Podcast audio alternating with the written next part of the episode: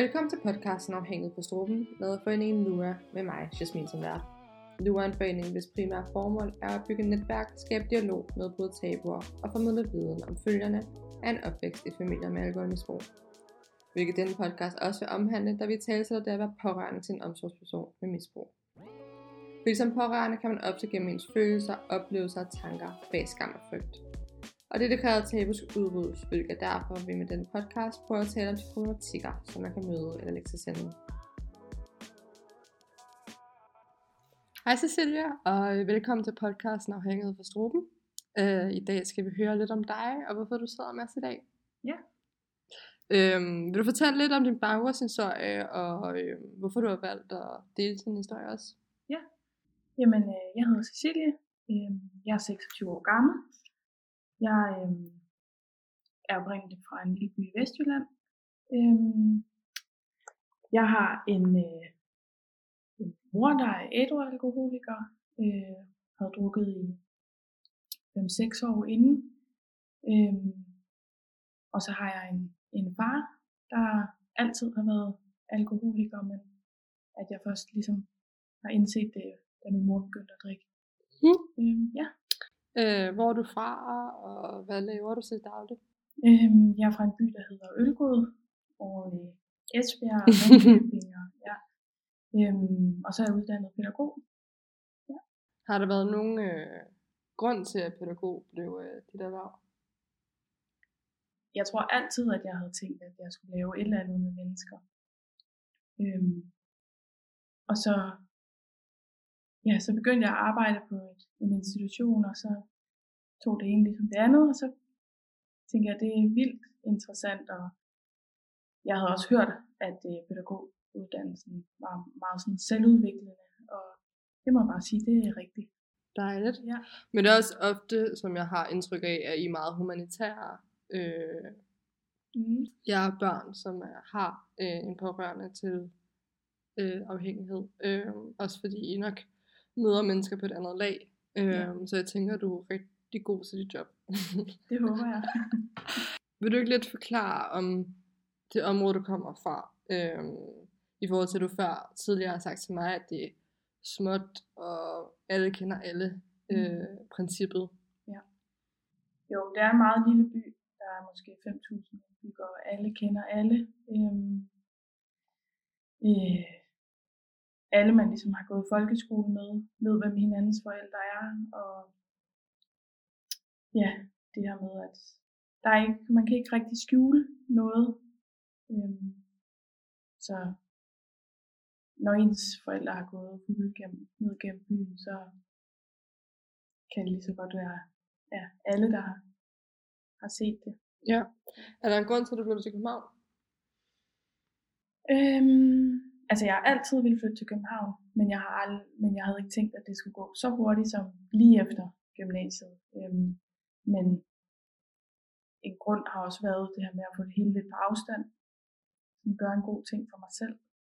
Ja. Øhm, det tror jeg ikke, jeg tænkte dengang jeg flyttede, men det tænker jeg nu, at det var en af grundene. Det tænker jeg også. Ja. Øhm, vil du ikke forklare lidt om din mors opstart på druk? Øh, da det jo først er de seneste 8 år. Var det Ja, det? For 8 ja, år siden cirka. cirka. Ja. Øhm, hvorfor det førte hen til en afhængighed? Jo. Øh, min mor har altid arbejdet i en SFO, som jeg også gik i som barn. Øh, og så var hun øh, på en tur med hendes kæreste, øh, og så faldt hun ned fra en hems og brækkede ryggen. Øh, ja, så var hun sygemeldt, sygemeldt i lang tid, og øh, kom aldrig rigtig tilbage på, på sit arbejde, og endte med at også gå fra ham her kæresten. Og, ja, og så lå hun jo i princippet derhjemme. Øhm, ja, så Øhm, hvad gjorde det ved dig og din søster? Øhm, altså i starten tror jeg, jeg var meget sådan bange, men også vred på en eller anden måde. Øhm, min søster boede ikke hjemme på det tidspunkt, det var kun mig. Øhm, og der var meget det her med, at øh, der kom helt vildt mange forskellige mennesker ind i vores hus, fordi jeg tror min mor har tænkt, det var nemt, så kunne hun jo være hjemme. Øh, men jeg gik i skole, og jeg havde rigtig meget fravær. Øh, ja. ja, det gjorde mig vred og ked af det, og men samtidig tror jeg heller ikke helt, jeg vidste, hvad der foregik helt. Jeg tænker bare i forhold til, at din far jo i en tidligere periode drak, ja. at det måske også har været altså en skuffelse, at mor så også ja. drak, fordi hun ikke var din tryghedszone. Ja, på en eller anden måde, selvom man, det er også det, jeg har aldrig set min far som alkoholiker, fordi han altid har stået op klokken 5 om morgenen for at passe sit arbejde, for når han så var færdig på det arbejde, så videre på et andet arbejde. Øhm, så det eneste, der sådan, men det er også noget, der først sådan kom op, da min mor begyndte at drikke, at min fars kone er hvad hedder det, psykisk syg, så der var også rigtig mange meget turbulent derhjemme, men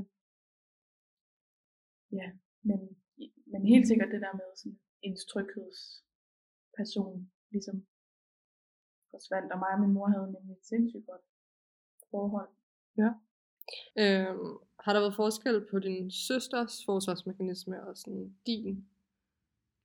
Ja, min søster var meget øh, sådan, lad os snakke om det, og mor skal bare, det skal hun bare ikke, og sådan, hun var hele tiden meget øh, prøve at fikse alt muligt. Og, Hvad gjorde det ved dig? Jamen, jeg tror bare, så lukkede jeg mig mere ind i mig selv, for jeg havde slet ikke øh, lyst til, at det sådan skulle, måske har det været sådan noget med, at jeg ikke har haft lyst til, at det skulle gå op for mig, eller øh, ja, og så det her med, at, at jeg følte, at hun hængte min mor ud, øh, at hun gjorde hende til en bussemand, som jeg ikke synes, hun var. Øh, fordi at jeg har sådan kæmpestort beskyttergen over for hende. Øh, og det følte jeg ikke, min søster havde på samme måde. Øh, ja. ja. Har du brækket den her beskyttergen lidt af dig selv? Ja, lidt. Det synes jeg. Ej, meget. Ja. Hvordan? Jamen, jamen jeg tror også det her med, at jeg bare snakker med min mor om det nu. Altså, at jeg tør at sige det til hende, uden at jeg føler, at jeg gør hende ked af det. Eller at det, ja, beskytte hende mod, at hvis jeg siger noget, at så går hun ud og drikker igen, fordi hun bliver ked af det. Eller sådan. Mm. Ja. Hvad har været milepælen for, at du begyndte at tage dine egne følelser frem forrest? Øhm, helt sikkert, at jeg startede tuba. Mm. Øhm, og havde har haft gruppeforløb igennem tre år. Øhm, men det var som faktisk min søster, der anbefalede mig at, øh, at skrive derind. Øhm, ja, så bare det med at være i tuba. Og sådan noget. Måske også være i samme rum med folk, der egentlig forstår dig, så du bliver mødt med en anden respons, end hvis man, end hvis man udtrykker det over for nogen, som ikke er i den realitet, som du befinder dig i. Ja, præcis. Ja, nemlig at, at dem i tuba, altså den gruppe, jeg så, de grupper, jeg har været i, har jo alle sammen haft forskellige historier, og sådan, men alle vores følelser har som regel altid været de samme. Mm. Øhm, så det der ja, med at spejle sig i nogle andre, Ja. har virkelig gjort meget. Du forklarede mig også før, Cecilia, at du ofte stillede dig spørgsmål for, hvordan din mor havde det, eller hvordan din far havde det. Mm. Og det er ligesom det her spørgsmål, du skal bryde, fordi det handler om dine følelser, og det ikke handler om mors følelser eller fars følelser. Ja. Øhm, vil du ikke sætte lidt ord på det? Jo, altså nogle gange så er det nok nemmest at være over i alle mulige andres følelser, øhm, og det tror jeg, jeg gjorde i en lang periode, så var jeg hele tiden over i, når hvad føler min mor nu, nu er hun ked af det, så, så skal jeg vel også være ked af det, så er det mig, der sådan ligesom skal løse, at hvordan hun bliver glad igen, eller hvordan hun bare bliver glad igen, eller det her med hele tiden at have fokus på, at man kan næsten heller ikke gøre noget, fordi så, også, så føler man, at hvis jeg siger den mindste ting, så gør det dem kede af det. Hvor at, at nu har jeg bare fundet ud af, også med at arbejde lidt med det og snakke mere om det, at det handler ikke så meget om min mors følelser, eller min fars følelser, eller deres oplevelse af det hele, fordi det er min oplevelse, og det, det er mine følelser, jeg har inde i mig, om det så stemmer overens med deres eller ikke, det er sådan set lige meget. Ja. Hvordan, altså sådan det der beskyttergen, som du beskriver ret ofte, Mm.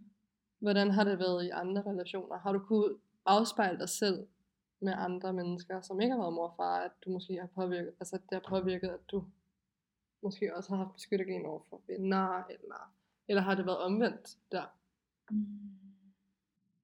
Nej, men jeg tror, sådan, hvis man skal sige beskyttergen i forhold til venner eller andre relationer, så har det mere været sådan, at man igen har, har været lidt sådan på tær om, hvad, hvad kan jeg egentlig sige, uden at den anden person bliver ked af det. Altså kan jeg sige, at jeg blev skuffet over, at du aflyste vores aftale.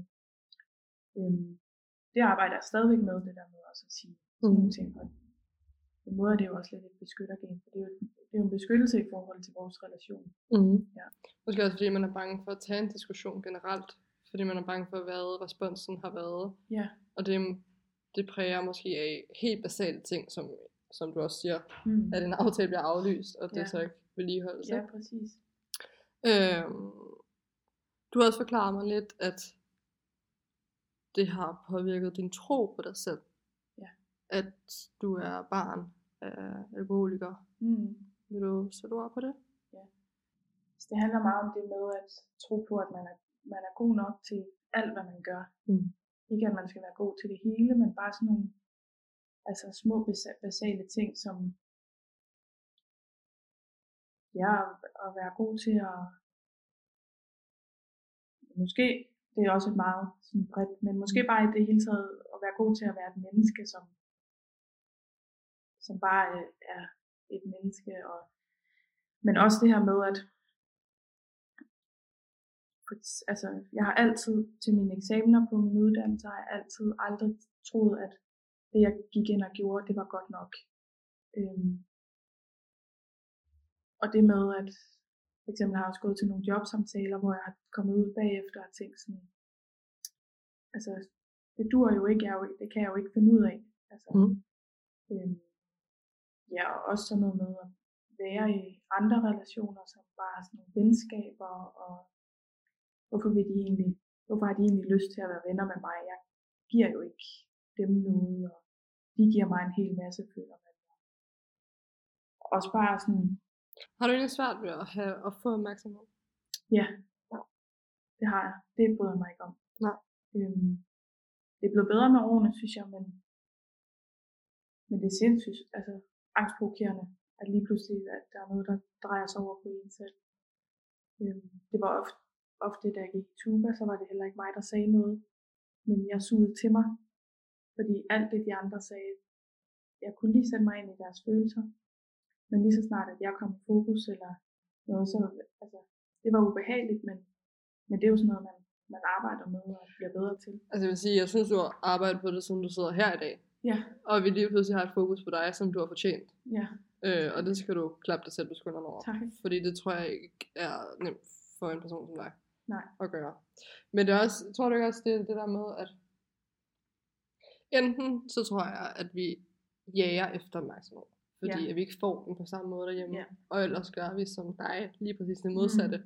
At vi faktisk bliver sådan helt, det kan Ja. jeg ikke overskue. Ja, præcis. Øhm, og det giver jo god mening. Ja. Ikke fordi, at mor ikke har givet dig opmærksomhed eller noget.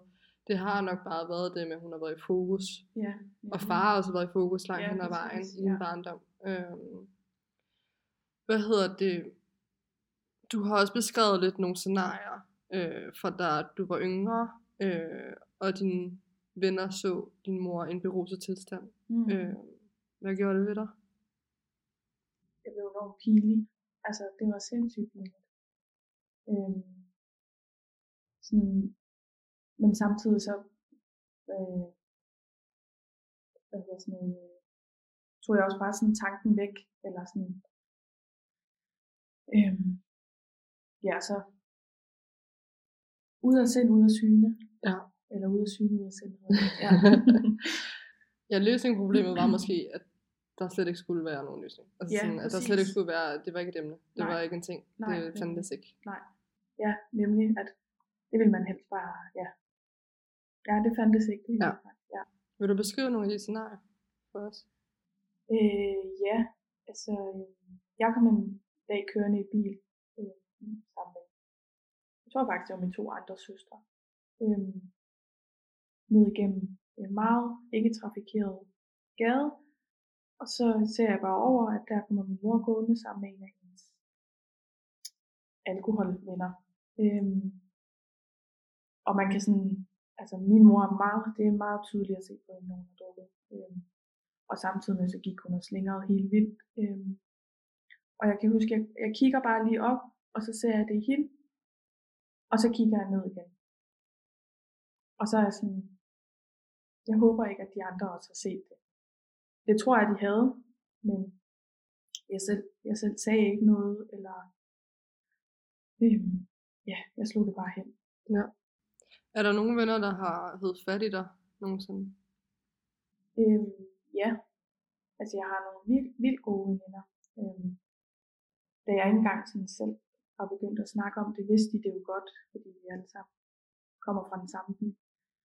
Og en dag så skulle jeg bare være sammen med en af mine veninder, og så lige pludselig så havde de alle sammen holdt et surprise party for mig. Bare for at fortælle, øh, at de synes bare, at jeg var så stærk, og øhm, ja, det var enormt. Det er øh, måske 10 år siden nu, tror jeg, men Men det Det- ligger dybt. helt vildt. Ja.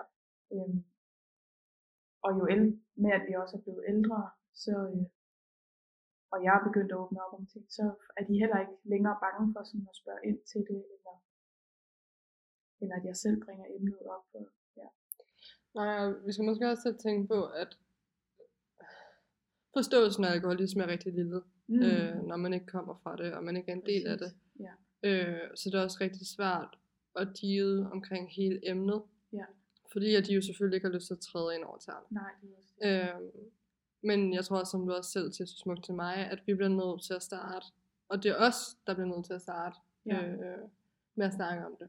Folk, der Ja. øh, er altså sådan, i det. Øh, fordi det er jo kun os, der kan fortælle den rigtige sandhed. Og Ja. også i forhold til, at din far arbejder, Mm. og din mor arbejdede også før. Ja. Og det, det ser jo i princippet helt lyst ud, Præcis. hvis man kommer og kigger ind. Ja. Men sådan, hvis man er inde i huset, så er det en helt anden opfattelse. Ikke? Ja.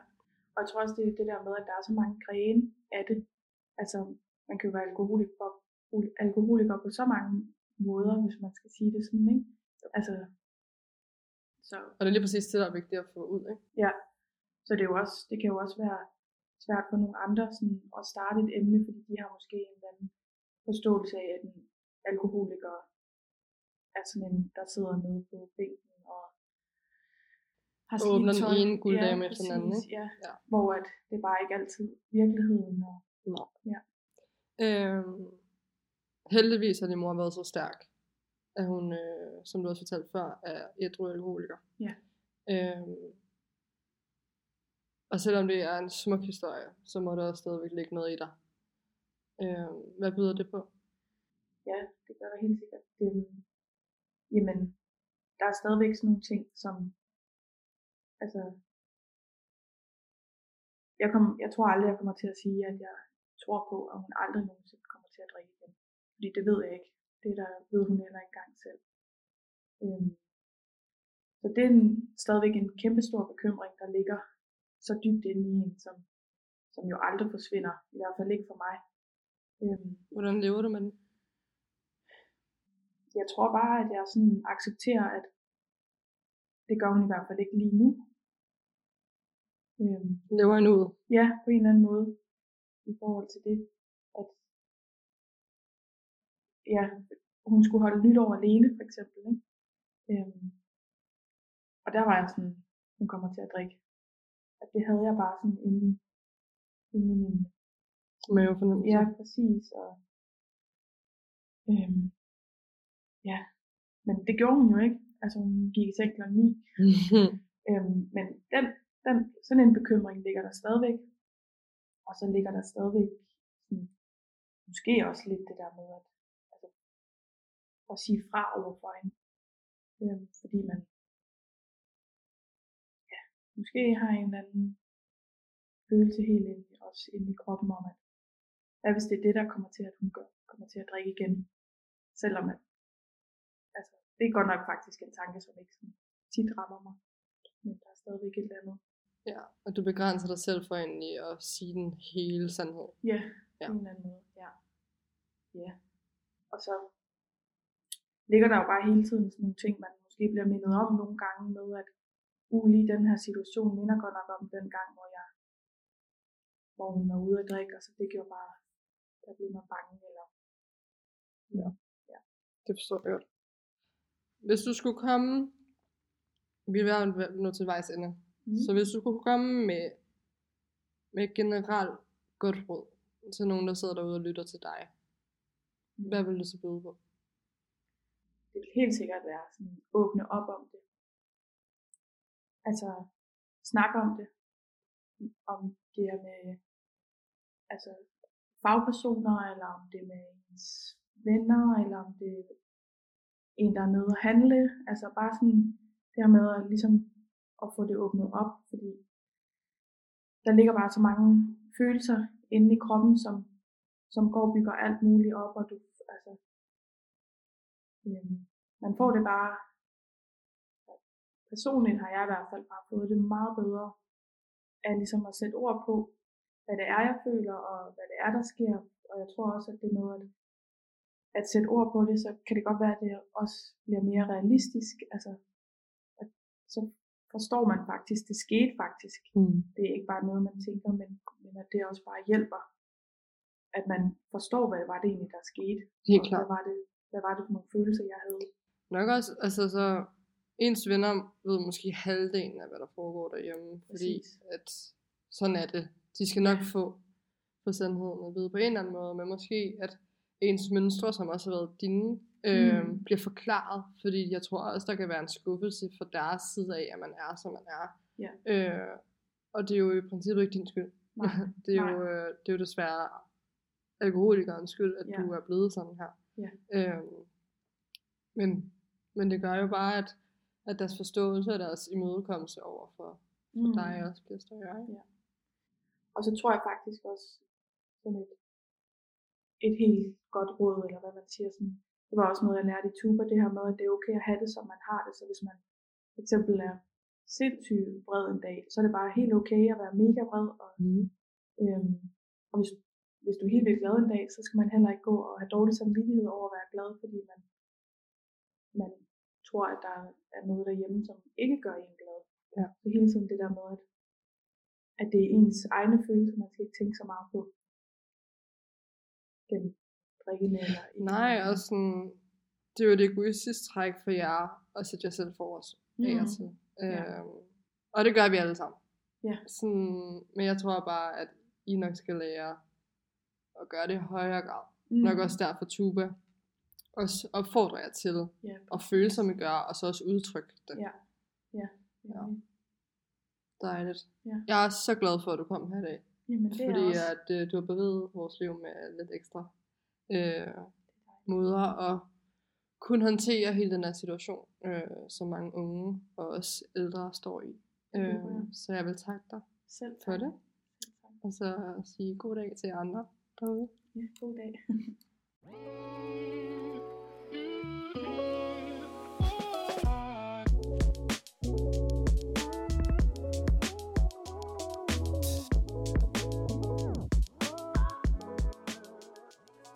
Luas primære mål er at støtte op omkring pårørende til alkoholikere og på den måde udbrede viden og hjælp til behandlinger, samtaler og metoder, hvor man kan bearbejde sine tanker og følelser. Et yderligere formål er, at vi kæmper for behandlingsgarantien til dem, som er over 25 år. Vi finder det vigtigt, at der bliver skabt mulighed for, at pårørende for familier med alkoholmisbrug får behandling og hjælp for at håndtere følgerne af opvæksten, uanset hvilken alder.